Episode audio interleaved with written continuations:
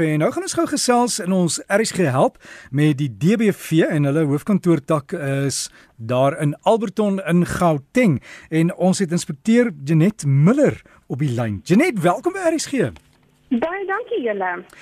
Ek het 'n uh, hele paar navrae gehad oor die DBV en jy weet ons kry baie keer ook e-posse van mense wat sê hulle is regtig in die moeilikheid, hulle geld die knyp, hulle troeteldiere, maar hulle kan hulle nie meer bekostig nie.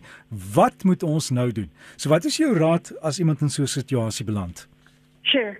So die mense moet definitief inspring en hulle plaaslike DBV help. Dit is regtig die die COVID pandemie het almal um onder onder gekry. So ons vra asseblief ondersteun as jy nie kan gaan geldelik bydra nie, gaan in DBV toe kyk as jy kan volunteer hande bysit en die DBV hoeke loop verskriklik oor. Uh mense kan net nie meer na hulle troeteldiere kyk nie en waar land hulle eindig op uh, hulle land vir die DBV hoeke op en dan word dit nou eintlik 'n groot probleem op die einde van die dag. So spring in en kyk waar ons ons diere kan help hm. kry. En Janet, as as mense nou so 'n geld uh, tekort is en hulle het 'n troeteldier nou wat hulle nie kan na kyk nie, uh, hulle kan nie kos koop nie, hulle kan niks doen nie en hulle kom na julle en sê, "Hoorie, ons het kos nodig." Is dit dan waar hierdie skenkings inkom? Kan julle dan help? Dit hang af van DBV na DBV.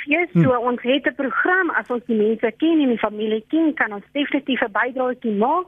En ons kan dalk kyk as ons dalk 'n sterilisasie of of 'n vaccination ook kan ingooi by alles. Hmm. En jy net een van die kwessies ook is jy praat van sterilisasie is baie keer mense is ons maar synig, jy weet. Hulle kan dit be betaal as dit by die gewone veearts gebeur, maar dan dink hulle hulle gaan geld spaar en sê maar kom ons jok en ons gaan DBV toe en ons gaan laat ons diere daar regmaak want hulle doen dit baie goedkoper. Uh, kry julle dit gereeld? Definitief en dit gebeur regtig verskriklik baie. Waar elke mens se geldjie kan spaar, dan druk hulle maar op die DBV knoppie en ons wil regtig sterilisasies bevorder, maar ons wil regtig hê dat dit eintlik meer vir mense is wat dit nie kan bekostig nie. En ons het regtig 'n streng uh, protokol waarvoor volgens ons werk bring um, inkomste status som sodat ons nie net enigiemand kan help wat dit wel kan bekostig nie, maar dit uiteensit vir vir die mense wat dit regtig nodig het. So Julle doen dit nie net om moeilik te wees nie, maar julle doen dit om kan ek amper sê regverdig te wees definitief spasie te maak en en met die ekonomie wat so druk is dit regtig moeilik deesdae vir baie ander mense om 'n sterilisasie te bekostig. So en om is, om dit te steriliseer dan maak jy eintlik 'n groot verskil want jy het nie al daai kleintjies wat opeindig in huise wat hulle nie wil hê nie. So ons wil regtig hê dat die mense wat dit nie kan bekostig nie, nie voorkeur kry liewerste by 'n DBV wat kan help.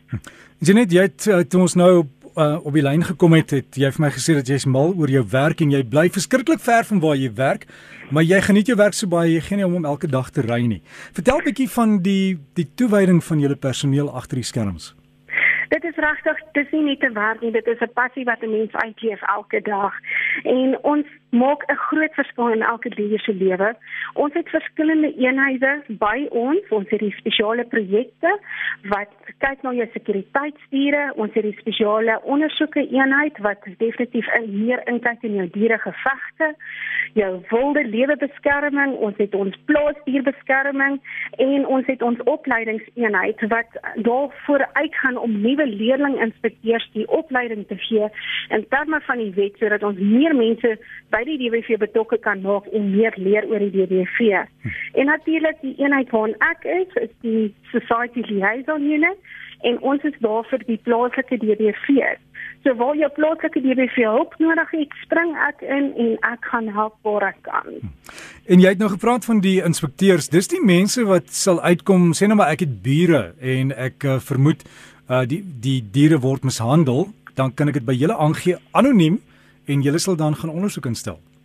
Definitief. En elke klagte word anoniem gehanteer. Ons gee geen inligting uit nie. So as daar 'n probleem is, vra ons die mense om 'n bietjie meer ondersoek in te stel.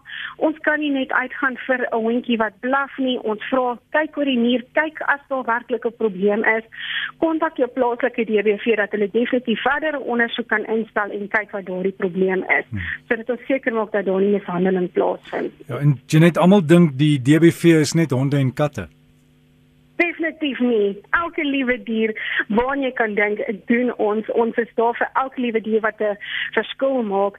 So as ons um, olifante van die olifant na die kleinste muis dit dit hanteer ons. En Janet, wanneer dit nou kom by Kerstyd, baie mense gaan kom diere aanneem. Hulle wil dalk 'n ekstra persoon of 'n sielietjie in die huis hê. Maar julle laat nie sommer net diere gaan nie, né? Ons is baie streng. Die dier wat ons gered het, wil ons seker maak hy kry baie goeie huis. En sal ek nou sê jou forever home op die einde van die dag. Nou daar is 'n protokol om te volg en jou dier word gesteriliseer en daar word 'n huisinspeksie gedoen. Nie net om te kyk gaan die dier aanpas by jou familie nie, maar die gaan die dier ook aanpas by jou ander diere. Hmm. So daar is so 'n protokol aan verbonde, so ek kan julle altyd verwys na elke DBV toe en dit verskil na DBV na DBV. Ja. En 'n ding wat mense nie weet nie is sê net maar julle kry 'n uh, dier by julle in die hokke en hy moet gehuis word, dan kyk julle dat hy in dieselfde omstandighede geplaas word. Sê hy's gewoond aan katte, hy ken kinders en jy probeer hom in dieselfde tipe huis plaas.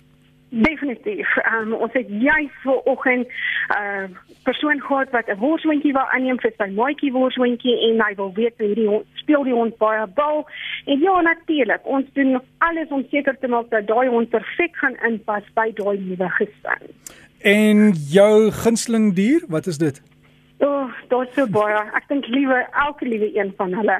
Ek kan definitief nie uitsonder nie. Hey, Janet en dan die uh, mees skaarsste dier waarmee jy nou al te doen gekry het, kan ek sê die mees ongewone dier? My mees ongewone dier is die muurvreter. Ek het hom een keer oor die pad gesien loop en dit was vir my so ongewoon want ons kry hom nie baie in nie. Alhoewel dit ook 'n dier is wat baie mishandel word.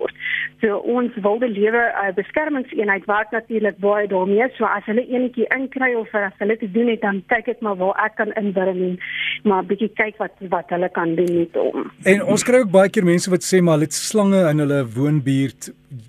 Werk julle daarmee ook? Ons het mense wat definitief uitgaan om te kyk wat daardie probleme is en ons vra asseblief dat mense nie net slange doodmaak nie, maar liewer se mense kontak om hulle te verwyder en dan te plaas in 'n area waar hulle dan kan vrygelaat word. Goed Janet, ek hoop julle kry sommer baie skenkings, maar as ek sê baie skenkings, julle soek nog steeds goed soos ek sê altyd as as jy 'n dier verloor het en jy nog kos in die kas, gaan gee dit af by jou DBV. Julle het gewoonlik in die winter kombers en goed nodig. Wat het julle nog nodig?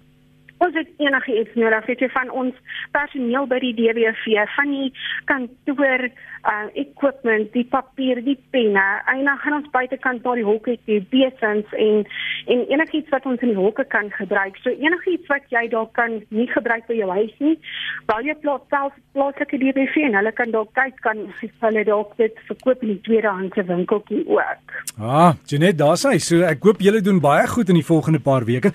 En sterkte met die moeilike seisoen wat voor lê met die Kerstyd en almal wat weggaan en hulle diere sommer net los. Ehm um, die webtuiste is dit hierdie ene nspca.co.za as dit hy. Dit is reg ja. So mense kan gaan kyk op ons webtuiste vir meer inligting en ons ook 'n skakel wat jy kan gaan na jou plaaslike DBV as jy meer inligting oor jou plaaslike DBV wil hê. Hm, en jy het ook nou nog gepraat van vrywilligers. So sê net maar iemand het altyd troeteldiere gehad, woon op 'n oomblik in 'n aftrekoord naby 'n DBV, kan hulle dan vrywilligers word en bietjie daar met die diere kom speel? Definitief. Ons het altyd hande nodig en ek dink die, die diere hier in Nokke sal dit definitief baie geniet. Janet, dankie vir jou tyd en goeie dag verder en veilige huis toe ry, hoor. Baie dankie, lekker dag vir julle. Vir jou baie dankie Janet en dis Janet Miller, inspekteur Janet Miller van die DBV. En as jy die webtuiste wil besoek, al die inligting is daar, al die nommers. Jy kan ook kyk na die takke en as jy daar by jou plaaslike DBV iewers in Suid-Afrika draai kan gemaak en kan help, miskien ietsie afgee. Jy kan dit ook anoniem doen, geskenke, alles, maak nie saak nie. Gaan los dit net daar of lekker kos vir die diere. Hulle webtuiste dan NSPCA, dit staan NSPCA, nspca.co.za en kom ons kyk wat ons kan doen.